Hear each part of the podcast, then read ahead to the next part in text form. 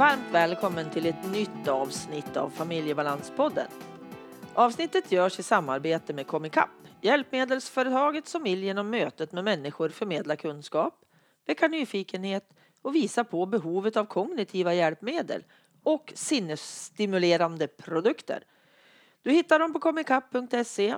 Om du klickar in dit så hittar du de föreläsningar, temadagar och andra event som de kommer att hålla under första halvan av 2019. Och som jag har tjatat om i de senaste avsnitten det är att vi närmar oss 100 000 lyssningar och jag är helt, helt, helt lyrisk över att så många gånger har människor lyssnat på min podd och jag är så tacksam för att just du lyssnar på mig. Och mina gäster såklart. Berätta gärna för mig vad du tycker om podden. Gå in på Familjebalans och gör en rekommendation. Det skulle jag bli jätteglad av. I det här avsnittet så är det Johanna Lundin som är min gäst. Hon är lärare och driver företaget Skolkraft. Hon har skrivit boken En skola som fungerar för alla. Så kom in och lyssna så får du ta del av vårt samtal. Sist i avsnittet så kommer ju boktipset. Ann-Katrin Noreliusson heter jag som driver den här podden. Och jag vill ju med det här arbetet förändra situationen för personer som har en eller flera MP-diagnoser. Och det gör jag genom att föreläsa, coacha, handleda personalgrupper och även föräldrar. Och allt det här gör ju jag för att öka kunskapen om NPF och skrota skammen. Bort med all skam vid psykisk ohälsa. Och vill du som är arbetsgivare vara med och göra skillnad för dina anställda? Kontakta mig så berättar jag mer. Info familjebalans.se Så välkommen in att lyssna på mig och Joanna.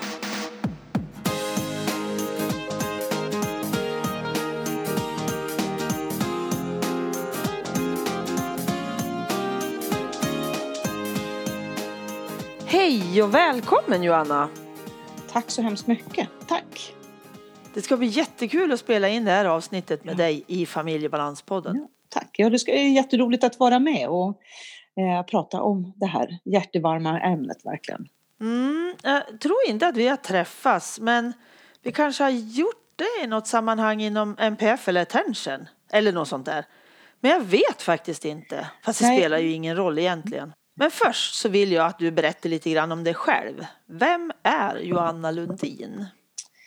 Ja, eh, rent yrkesmässigt så är jag lärare eh, i grund och botten och jag inser att ju äldre jag blir så är jag väldigt mycket lärare eh, och är väldigt stolt över det. Jag tycker att det är ett, alltid tyckt att det är ett väldigt roligt yrke att ha. Och det är ju framförallt eleverna som är liksom kärnan i det hela. Sen så har jag ju egentligen alltid tyckt att det har varit roligast att arbeta med de eleverna som har utmanat. Och det är oftast de grupperna som jag också har fått tilldelat okay. mig av olika sätt. Då. Mm. Eh, och sen så, så, att det var så jag också kom in på det här med NPF och också klassiskt att jag har ett barn som har, eller ung vuxen är han nu för att han är, han är ju faktiskt närmare 20, så, eh, så, som har dubbla diagnoser. Och det var ju egentligen hans resa genom skolsystemet som fick mig att börja fundera på vad jag själv gör utifrån min yrkesroll. Mm. Eh, så att utifrån det sen så började jag utbilda mig och läsa kurser och, och utbilda mig till coach eh, och sen också då börja föreläsa om, om hur, hur vi skulle kunna göra den här skolan mer och bättre tillgänglig. Eh, och jag ser ju att det har skett väldigt mycket men vi har lång väg kvar att gå. Eh, och jag tänker att det är ju min passion är ju att, att jag vill vara med och förändra för att jag tycker ju att varenda gång vi har en elev som, som tillåts att misslyckas så är det ju, ett, det är ju en katastrof.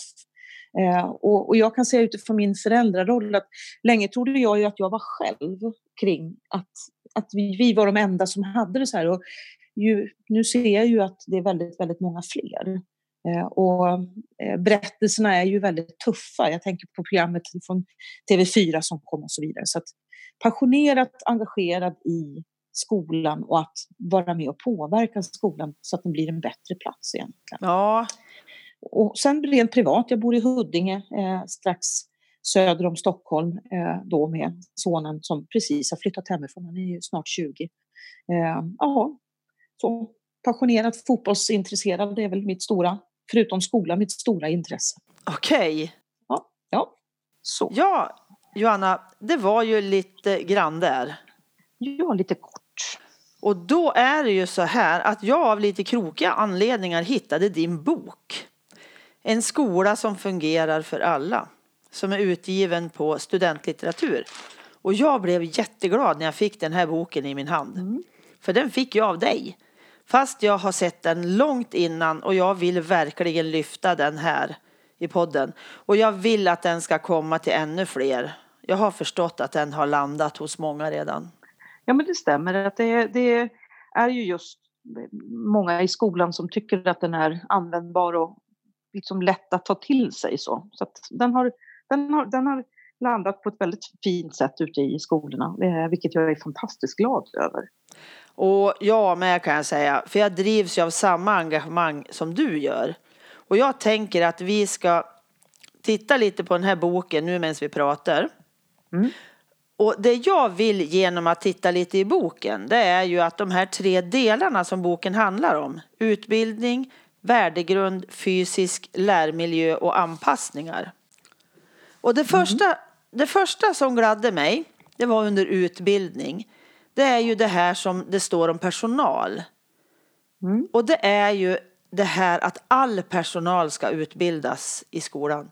Och det är det jag stred för, ja vad, vad kan det nu vara då? Det är väl 20 år sedan mina ungar började i skolan. Och jag vet hur jag stred på den skolan för jag ville utbilda all personal. Och då är det så ljuvligt att hitta det i din bok. Att precis mm. alla, alltså vaktmästare, skolbespisningspersonal, städ, all personal ska utbildas. Vad är bakgrunden till att du tänker så? Jag tänker att det är en självklarhet därför att alltså, ofta när vi pratar om skolan så, så landar vi i det som sker i klassrummet. Eh, och det är ju mycket där som vi kan anpassa och vi kan förändra men, men under en lektion och i ett klassrum så är det ju ändå hyfsat stru strukturerat. Eh, vilket gör att många elever ändå klarar, även fast det är tufft och det är jobbigt och det behövs mycket jobb, men, men det finns ändå en, en, någon form av struktur. Men all den här fria tiden som är raster, att vara i matsalen, alla de sakerna där just övrig personal, som vi då får beteckna det, möter de här eleverna. Eh, då är det extremt viktigt att vi vet liksom, ja men vad är det för elever vi har? Och, och tittar vi i de styrdokumenten som, som vi har som, som läroplaner så står det att alla som arbetar på en, i en skolverksamhet har ett ansvar. Och då är det ju självklart att att vi också ser till att en utbildningsinsats når precis alla. Eh, för det är också i, jag tänker att det är en styrka i att när vi pratar om och med våra elever att alla personer som, som den här eleven möter är med att också hitta liksom lösningar eller liksom de goda sidorna, det som mm. går bra, det som funkar för eleven. Och det är inte säkert att den som har den bästa och närma, närmaste relationen med eleven är en lärare eller en elevassistent eller rektor eller så, utan matsalspersonal eller mm. någon från städ eller på expedition. Mm. Och det är jätteviktigt. Så att vi pratar samma språk och att, mm. att vi liksom ser, ser på eleverna och på, på samma sätt. Mm. Så, ja, så, det, så det är bakgrunden till hela. Ja, och det är fantastiskt viktigt tycker jag. För att vi hade ju problem då i, från lågstadiet just med, med skolbespisningen. Att för det första så klarade inte min son av att vara i skolbespisningen överhuvudtaget. Och det var, när jag förklarade så var det svårt att nå fram. Och då tänker jag, har man en grundkunskap då skulle man ha förstått vad jag menade i hans ja. anpassningar runt det. För han kunde aldrig äta där, eller aldrig ska jag inte säga, men långa perioder så var han tvungen att äta i klassrummet eller i ett grupprum. Ja. För det var alldeles för stökigt och det var, han klarade inte den maten för det blev lite selektivt det han ville äta. Då. Det var inte kor en period och det var svårt alltså att få förståelse för det.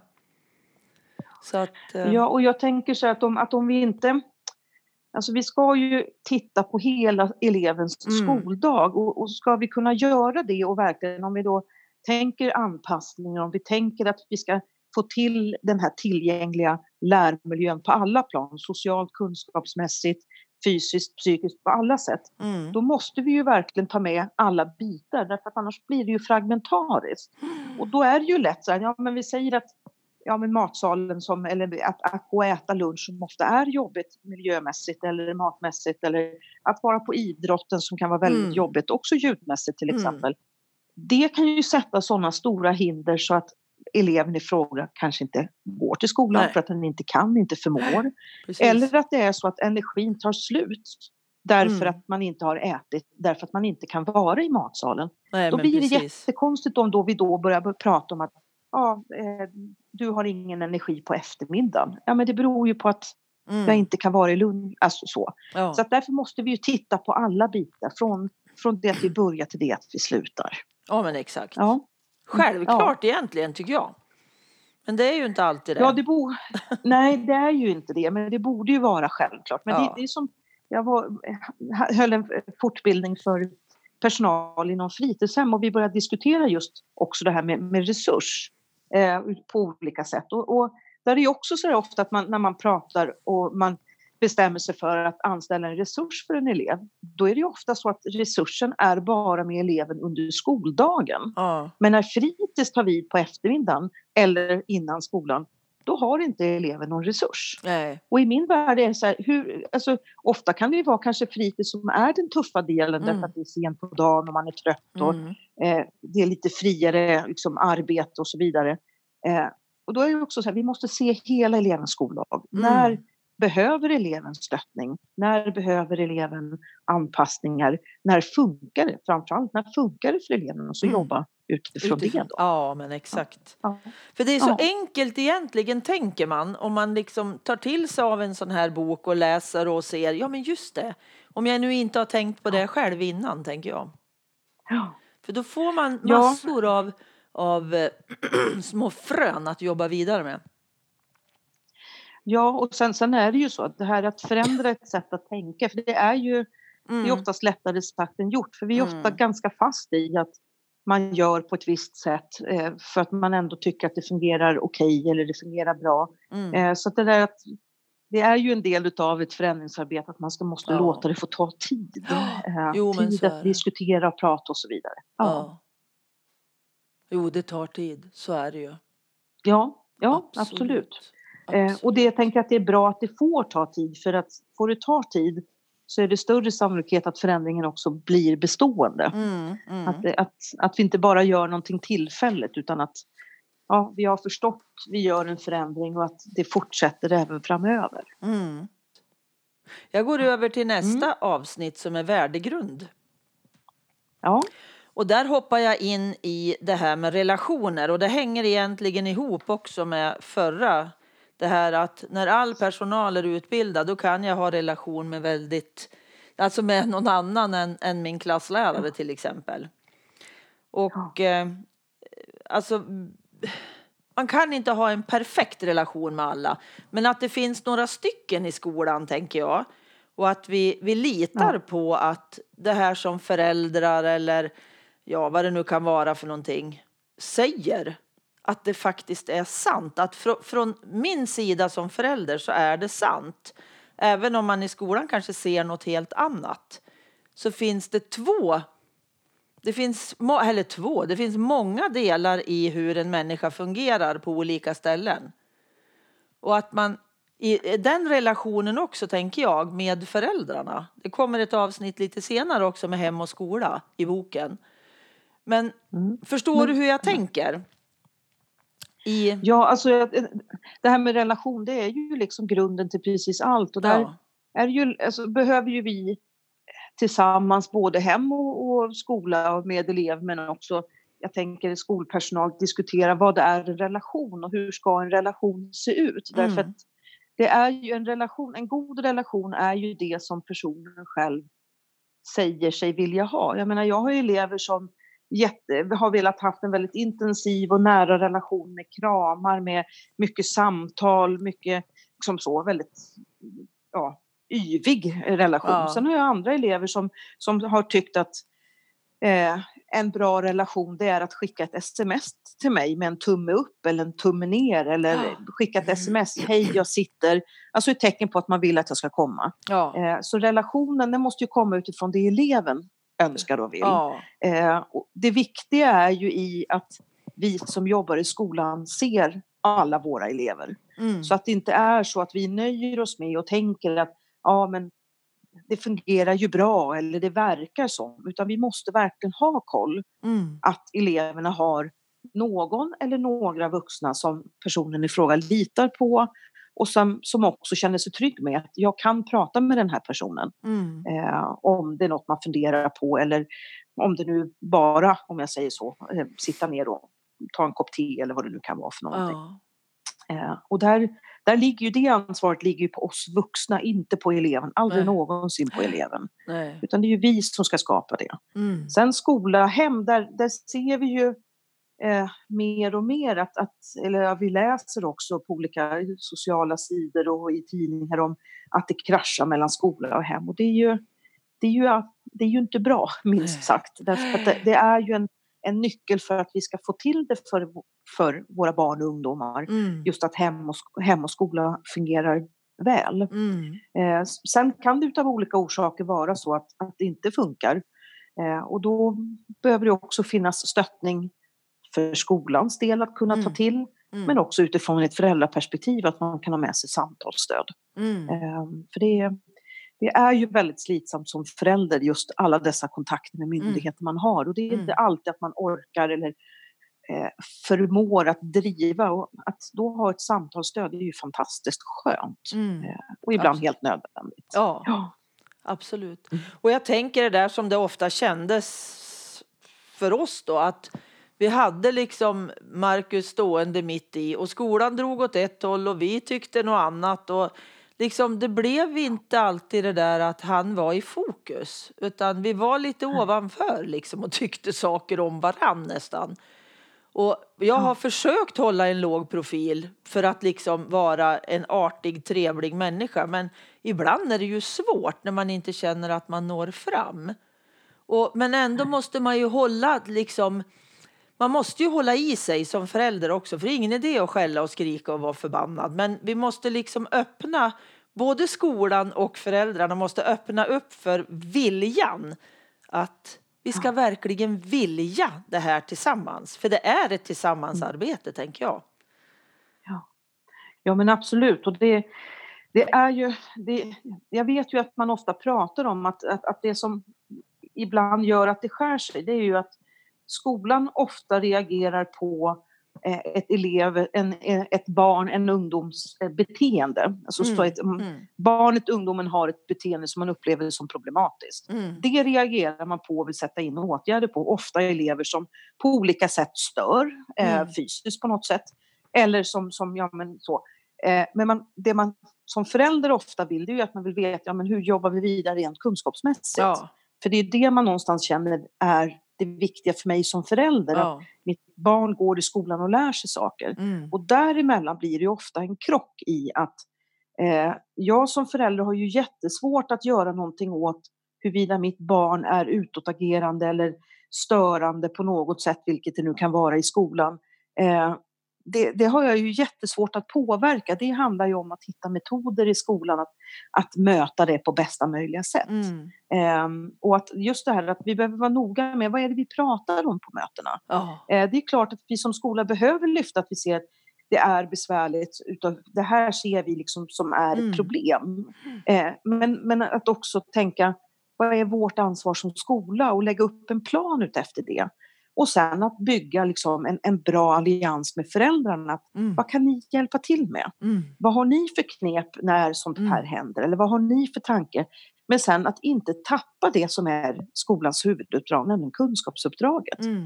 Eh, hur ska vi göra för att stötta den här eleven att komma vidare med sin, rent kunskapsmässigt? Och, och Mm. då gäller det att möta eleven där eleven är. Mm. Eh, Mm. och, och då behöver vi kartläggning och det är massa sådana saker som kommer in. Då. Mm. Eh, Men den, där tror jag det ligger väldigt mycket frustration hos föräldrar över att, det, att man sitter och pratar om rena ja, såna här sociala ordningsfrågor Mm. många gånger hellre än, än andra saker som är lättare kanske att påverka. Mm. Jag tänker vidare från det här spåret då, just det här i, för nu har jag gått vidare lite i boken till behov istället för diagnos.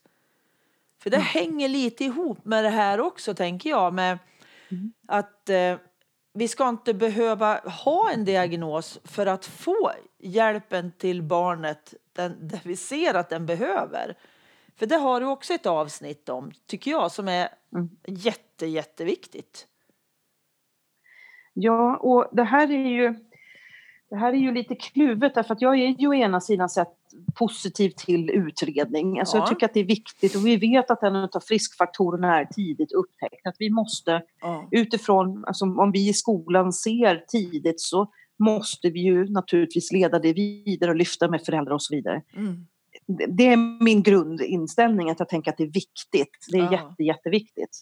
Samtidigt så, så ehm, får vi heller inte liksom snöa in. För jag kan tycka att, att skolan av idag är ganska diagnosfixerad. Alltså att eh, allting ska, ska diagnostiseras.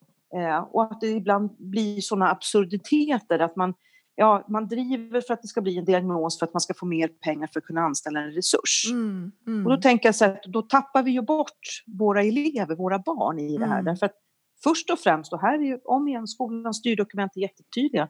Vi har ju ett uppdrag alldeles oavsett. Mm. det står jättetydligt vad vi ska göra. Utredningen är ju för barnet själv, eller ungdomen själv. Mm. Eh, Men vi behöver bli bättre på att vad är det vi ser? Eh, v- Vad är det för stöttning den här eleven behöver? Mm. Eh, Och att vi i det, eh, för om igen, vi är ju ofta inne på de här eleverna som hörs och syns. Men vi får inte glömma bort att vi har andra elever Nej. som inte hörs och syns. Och är det, ja, är det så att vi hela tiden agerar på ett beteende så, så kommer vi att tappa en massa elever. Så vi behöver bli bättre på att se vad är det för barn och ungdomar vi har framför oss. Vad Mm. behöver de för att de ska bli sina bästa jag? Mm. Eh, sen om det är så att vi funderar kring utredning och diagnos, men det är någonting annat. Eh, utan, Ja. ja. Och jag tänker också så här att alltså innan det då blir ett utredningsförfarande och kanske en diagnos i andra änden så går det ju väldigt mycket tid. Och då finns Ja. det ju också ett behov hela den vägen tänker jag. Ja. Vi kan inte Ja. gå och vänta då, fast jag är också för diagnos, absolut, för jag ser diagnos som en bruksanvisning. Eller en, en sär, alltså ett tydligt svar på vad är det som brister. Och även vad finns det för styrkor hos den här människan. Och Mm. på vägen dit då måste vi ju ha något och inte säga att nej vi måste vänta och se vad det blir för diagnos. Vi ser ju ett behov ändå på Ja. vägen. Ja, och där, där, där trycker du på någonting därför att vi är ju ändå så här att, att om man tänker på hela den långa tiden som går. Alltså en diagnos i sig förändrar ju ingenting. Nej. Ja, för den enskilde personen Ja. så kan vi ju förändra väldigt mycket över att, ha, oj, jag, jag har vad det nu är för någonting. Mm. Ehm, och, och det vet vi att det är ju jättetufft för många när de är i tonåren, det här med identitetsskapande, om diagnos kommer för sent. Vi vet ju det. Mm. Eh, Men en diagnos i sig förändrar ju inte någonting. För det är ju som du säger, behoven har ju hela tiden funnits där. Mm. Eh, Och då samma. behöver vi ju i större utsträckning fundera på vad är det vi faktiskt vi behöver göra för någonting. Ja. Ehm, Ja, men, men jag tror också att det hänger ihop väldigt mycket med just det här att om vi tar i ett större perspektiv, hela det här inkluderingsperspektivet som har, har ställt till det så himla mycket därför att Ja. det är ju fortfarande väldigt mycket att alla elever liksom ska vara i skolan och alla elever ska gå i stor klass och alla elever. Och det är ju så att vi har en massa elever som inte fixar det Nej. och då behöver vi ordna andra alternativ. Eh, och det kan vi inte vänta på. Och det har inte heller någonting med diagnos att göra utan om igen, vilka behov har våra elever? Ja. Och då har vi elever som behöver gå i ett mindre sammanhang. Ja. Hela eller delar utav dagen. Mm. Eh, en del utav dem behöver gå någon helt annanstans därför att det är jobbigt att vara i den här stora miljön. Mm. Eh, och det, det behöver vi göra i alla fall. Ja, men precis. Och då spelar det Ja. ingen roll vad, vad, vad tänker jag då, skolledning tycker om liten grupp eller inte, eller att vara i ett annat sammanhang. Det spelar liksom Ja. ingen roll. Vi måste titta på behovet.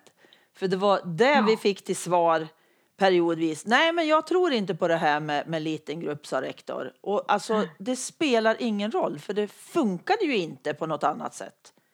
Och man ska inte behöva vara ensam, tänker jag, med sin assistent under en hel skolvecka eller skolmånad eller termin. Det är inte meningen, utan jag ska ju få möjlighet att ha klasskamrater. Tänker jag. Ja, och inte, och inte bara det, därför att om, vi nu, om jag nu ska vara liksom dra saker och ting till sin spets och vara lite provokativ så kan man ju Mm. tänka så här. Eh, alltså assistenter eller resurser, vad vi nu kallar det för. Mm, Eh, allt som ofta så anställer vi någon. Det- finns undantag, det finns många helt fantastiska alldeles oavsett ålder som gör ett, alltså ett makalöst bra jobb. mm, Men rent generellt om jag ska säga så är det oftast en ung person direkt från gymnasiet som vi anställer för de personer som vi upplever har ett problematiskt beteende för oss, alltså Ja. som stör på något sätt. mm. Som inte liksom klarar av, inom citationstecken, skolans strukturer. Eh, och då betyder det egentligen så att välutbildade personal som faktiskt har gått utbildning säger sig inte klara av det här Nej. och lämnar då över det uppdraget till en outbildad ung Mm. person. Mm, Och vad vi då egentligen har gjort är att vi har anställt en barnvakt. mm, Eh, därför att vi vill få bort problemet.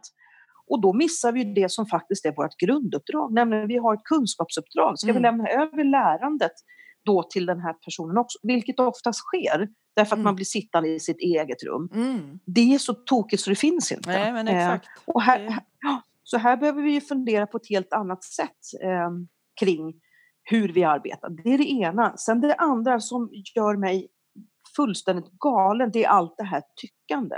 Mm, Därför att allt det här tyckande kring NPF-diagnoser eh, är, ja det gör mig verkligen galen. Därför att eh, har vi en person med en fysisk funktionsnedsättning så är det ju svårare att plocka bort stöd. mm, Men däremot när det gäller personer inom NPF så gör vi det utan att blinka. mm. Och det är tyckande. Jag vet inte hur ofta jag möter lärare, specialpedagoger och rektorer som säger Nej, jag tror inte på diagnoser eller jag tror inte på medicinering. Nej, det är ganska ointressant därför att det viktiga är vad säger forskningen? Ja.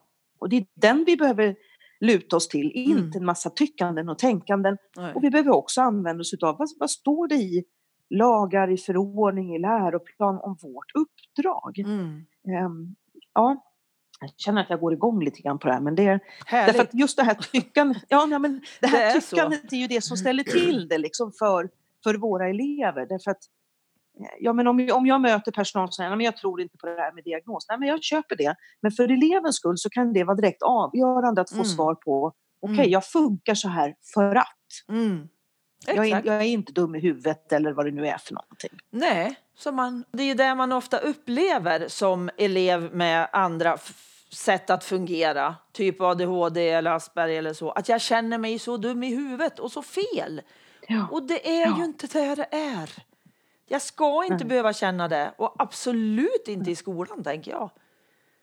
Och inkludering tänker jag också som du sa nyss. Det är också ett, ett väldigt missförstått begrepp, tänker jag.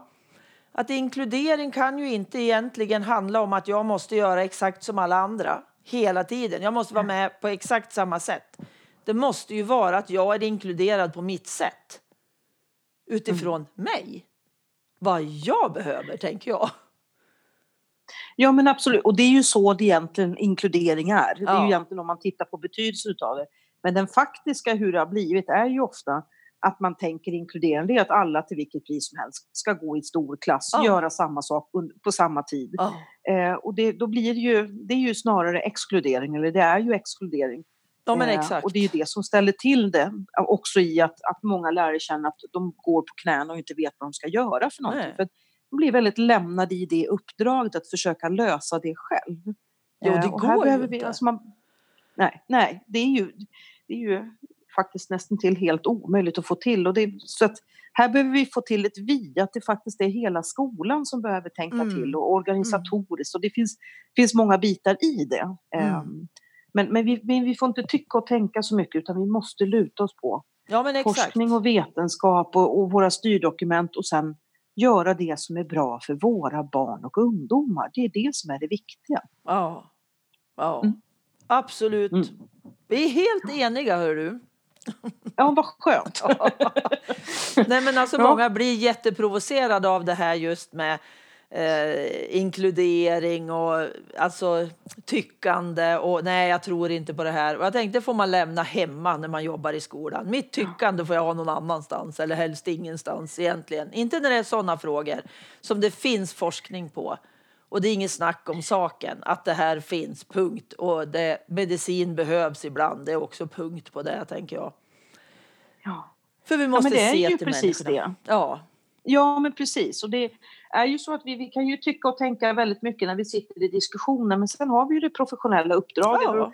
Och det professionella uppdraget ska ju vila på Mm. vetenskap, beprövad erfarenhet och på, på de lagar och förordningar vi har. Mm. Eh, och då kan inte jag göra något för att jag själv tycker och tänker. Då får man kanske fundera på, är det är det, det här jag ska hålla på med egentligen? Mm. Ehm, men det är, ja, det är en stor och svår fråga, men det behövs, tänker jag, också väldigt mycket mer tid för diskussion och Ja. reflektion för skolans personal. För det är, om jag nu Absolut. tar, tar också utifrån den, den läraryrket som jag har, det är ju att jag ser att det är, det är ett jättetufft uppdrag som man har och ibland nästan till helt omöjligt. Och en del Mm. av det är ju att vi sällan får tid till att diskutera, reflektera, eh, utvärdera det vi gör, få möjlighet att fundera och tänka tillsammans till andra sätt att arbeta och så vidare. Mm. Eh, utan det går, det går väldigt fort och går Ja. för runt liksom hela Ja. tiden. Jo, Mm. men absolut. Det tänker jag också. Diskussion och, och samtal kring och reflektionen är ju jätteviktig. Och att man Ja. kan Ja, det är- samlas runt frågor som är svåra. För det finns ju massor i skolan idag som är svårt för personalen. Absolut, absolut. Är Och det. det är ju så att det här, det vi sitter och pratar om nu, det kan ju låta väldigt enkelt men Mm. det är tuffa saker. Eh, och det, det ska vi också vara medvetna om Mm. att, att det är eh, eh, inte alldeles lätt. Men då behöver man tänka tillsammans och Mm. hjälpas åt kring Mm. det hela. Absolut, Mm. absolut. Ja.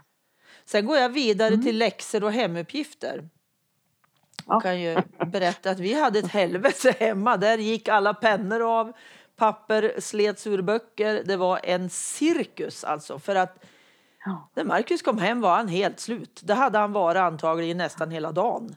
Och så skulle vi fortsätta med läxor och det var tufft för honom alltså. Och då blir det ju tufft för hela familjen för det var ju ett sju jäkla liv när det var läxdags. Tills vi s- bestämde att det här måste vi lägga ner för vi kommer att strypa varandra till slut och det är inte meningen. Vi ska få, han ska få återhämta sig också på kvällstid.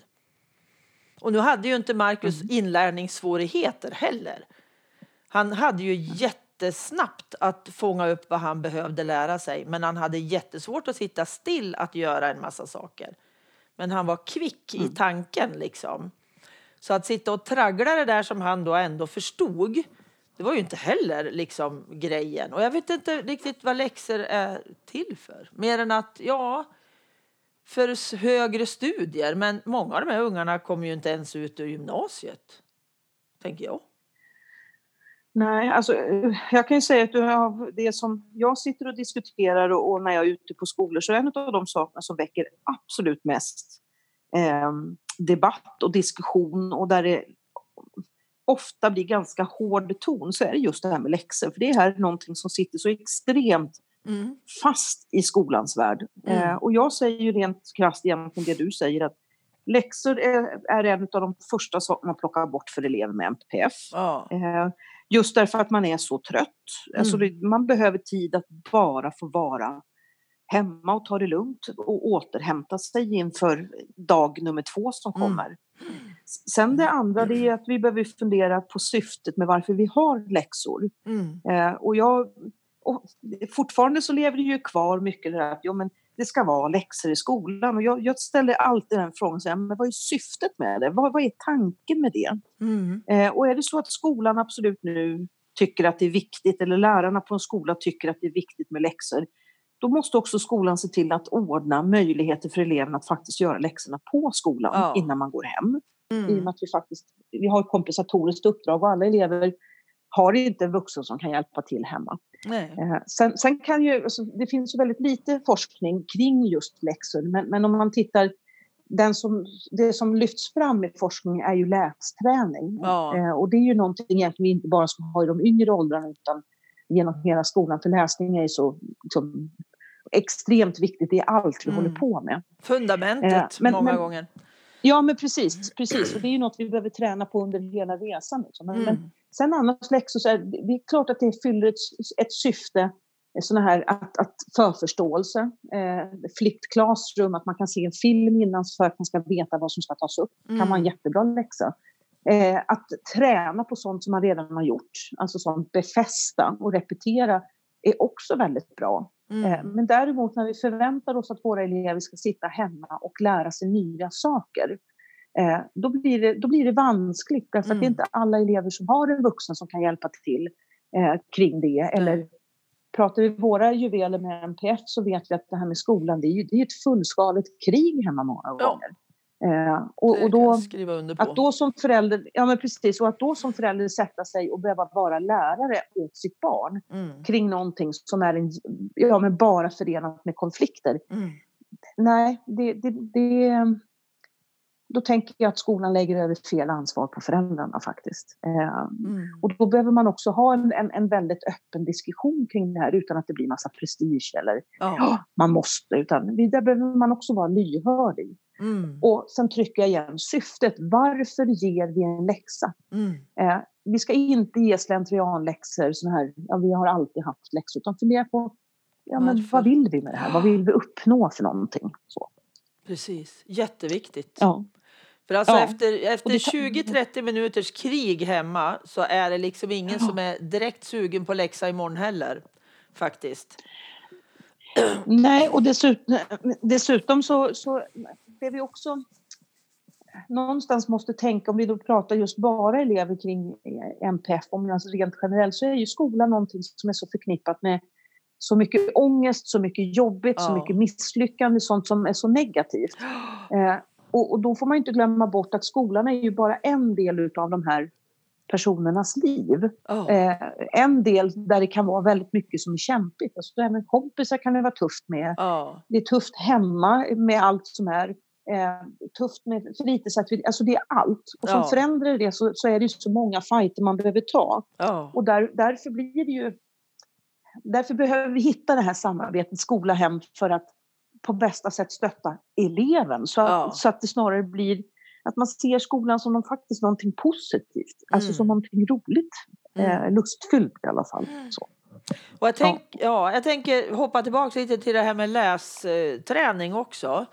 Just det här att det kan ju vara att jag läser för mitt barn så att mitt barn blir intresserat av att ta till det Ja. själv. Att det är inte Ja. säkert att, för vi hade våran dotter, hon var 11 år när vi upptäckte att hon kunde ju inte riktigt läsa. Och det var ju att Nej. både att hon var lite i skuggan då av sin bror som tog, hade ännu fler diagnoser. Men också det här att eh, hon hade ju behövt mycket mer att vi läste ännu mer för henne Ja. än vad vi gjorde. Och kanske hitta de här små enkla sakerna, även om jag inte då kanske är 6-7 år utan jag kanske är lite äldre, att hitta något som, alltså som intresserar mig, tänker jag. Mm. Och inte Ja. bara det jag fick med från skolan som var hur tråkigt som helst. Det finns ju annat att hitta också. Och det, och det är ju så häftigt när just när det här när, när det blir lustfyllt och intressant för eleven. Jag, jag tänker Mm. min egen son där jag har varit, alltså, så här, jag, vi gjorde konsekvent inga läxor. För det var en av de första sakerna jag sa till skolan. Det är liksom inte så stor idé. Därför att det är jag som gör läxorna åt honom. För Ja. han orkar inte. Han är Nej. så slut när han kommer hem. Men jag minns när han kommer hem ifrån, när han gick i årskurs nio, då hade de hållit på och pratat om miljöförstörelse och lite sådana saker. Och då hade läraren visat en film. Den är helt fantastisk. Jag kommer inte ihåg vad den heter nu, men den är en film som jag tänker så här, när vi satt och såg på den tillsammans, så jag, jag är helt fascinerad över hur den här läraren lyckas få ett gäng 15-åringar, 16-åringar att tycka, för den var extremt långsam. Ingen som pratade utan bara bilder på olika liksom, delar utav världen. Alltså väldigt estetiskt vacker Mm. men extremt långsam film. Mhm. Men sonen kommer hem och är helt lyrisk över den här filmen och han tycker att den är så himla bra för nu har han förstått Okej. eh, när man har pratat om miljöförståelse och, mi- miljöförstörelse och så vidare. Ja. Så vi satt och såg på den filmen hemma, den var på en och en halv timme och det är verkligen fantastiskt vacker, Ja. men som sagt, Okej. en film som jag inte hade tänkt skulle kunna matcha en då högstadieelev. Men där hade ju läraren lyckats hitta Ja. liksom, den här punkten in där det skapades ett intresse, där det var intressant, där det var spännande. Mm. Och då blev heller inte något jobbigt att se den här filmen en gång till med mig Nej. och ha samtal Nej, kring precis. vad skulle vi kunna göra för att rädda våran värld egentligen. Ja. Eh, Så det är ju det här som är nyckeln i det hela. att Hur, hur skapar vi eh, just den här biten? Ja. Det, det är nyckeln tänker jag. ja, men det är det. Absolut. Ja, Att hitta in till intressena och vad är individen bra på? Vad finns det för Ja. bra saker? Ja. För det finns ju det är ju- massor med saker som Ja. är eh, alltså givande för var och en av alla individer som finns i skolan. Så är det ju. Det är ett Ja. jätteuppdrag för lärarna då att matcha det här men, men trots allt så finns det ju saker jag är bra på som elev. ja.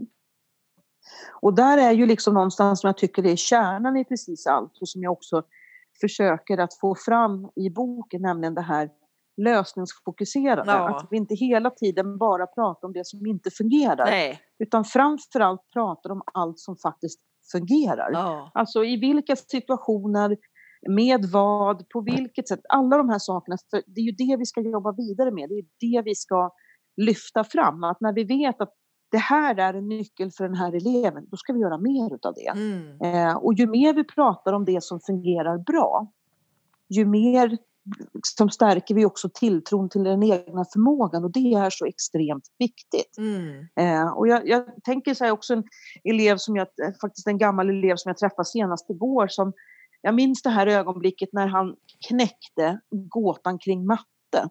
För han pratade alltid om sig själv som att jag är värdelös på matte, jag kan inte någonting matte, ingenting funkar med matte. En suverän bra mattelärare eh, hjälper honom att knäcka den här gåtan och han går ifrån jag kan inte matte till att jag är en person som kan matte Mm. som sen också söker till det gymnas alltså den typen av gymnasium sen och så pratar om sig som självklart att nej, matte är inga problem, det är lugnt. Jag kan det. underbart. Och kan jag inte det så tränar jag lite till. Och det är ju helt fantastiskt Mm. att höra verkligen. Helt fantastiskt. Det är då man börjar gråta.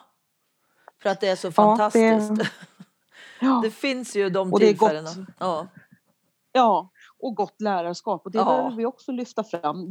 De goda exemplen. Ja. Eh, och det, tyck, det tycker jag till exempel att om vi pratar om SPSM Mm. eh, som jag lyssnar på. De pratar mycket om det här att lyfta de goda exemplen och det Mm. behöver vi verkligen göra. För att lika väl som vi lätt fastnar i och pratar om det som inte fun- fungerar kring Absolut. elever så pratar vi ofta om det som inte fungerar i skolan. Men vad är det som fungerar? Ja. Vad, vad finns det för nycklar Mm. som gör att, att det fun- liksom fungerar bättre för eleverna eller vad det nu kan vara för Mm. någonting. Absolut, Mm. absolut. Goda exempel. Det är Ja. och, och, ta lärdom av att det här har Ja. fungerat där och det här funkade för oss. Och alltså göra dagar nästan som handlar om goda exempel, tänker jag. Ja. Ja, ja men precis. Sharing is caring verkligen. Det är, det är Ja. jätte, jätteviktigt. Är Vi ska inte verkligen. uppfinna hjulet utan vi ska Nej. använda de, de som redan finns. Det är Ja. jätteviktigt. Precis. Precis. Mm. Då vill jag avsluta bara med att säga köp boken, säger jag till er som lyssnar. Och om ni inte behöver den alldeles själv så kan ni faktiskt köpa den och ge den till någon som skulle ha glädje av den. Tänker jag. Tack!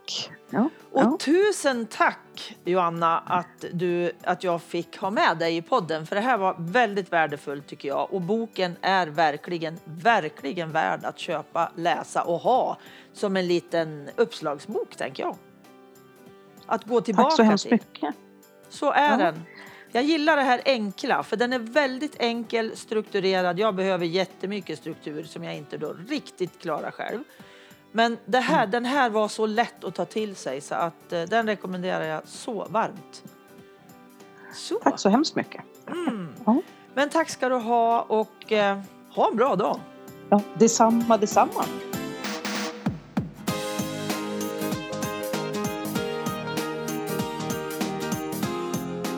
Boktipset i det här avsnittet är ju såklart En skola som fungerar för alla.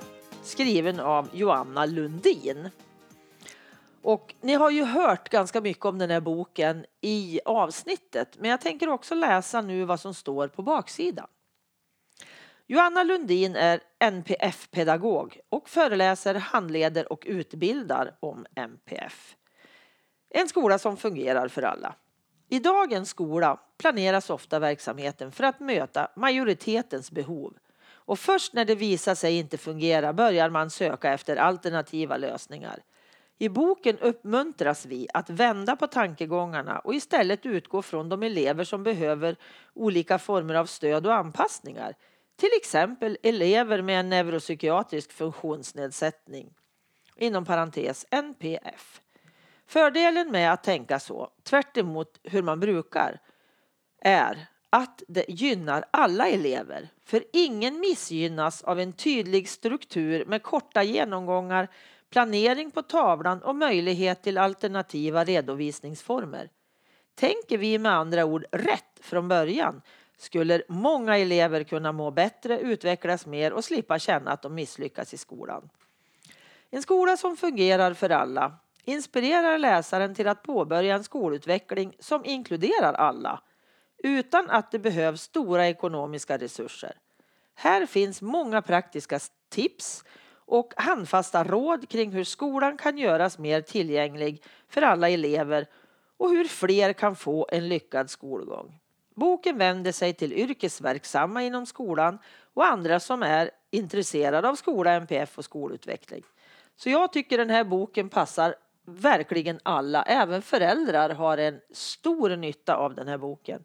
Men framför allt skolan. Tack för att du lyssnat. Tack till Pelle Zetterberg för musiken, Pernilla Wahlman som fota, Marcus som har fixat poddloggan och till Anders för att du redigerar mitt prat. Och tack till Comicap såklart för samarbetet. Och tusen tack till dig som går in och skriver recensioner och rekommendationer på Familjebalans eller Familjebalanspoddens Facebook-sida. Det är ju sånt som gör mig superglad. Hoppas vi hörs igen.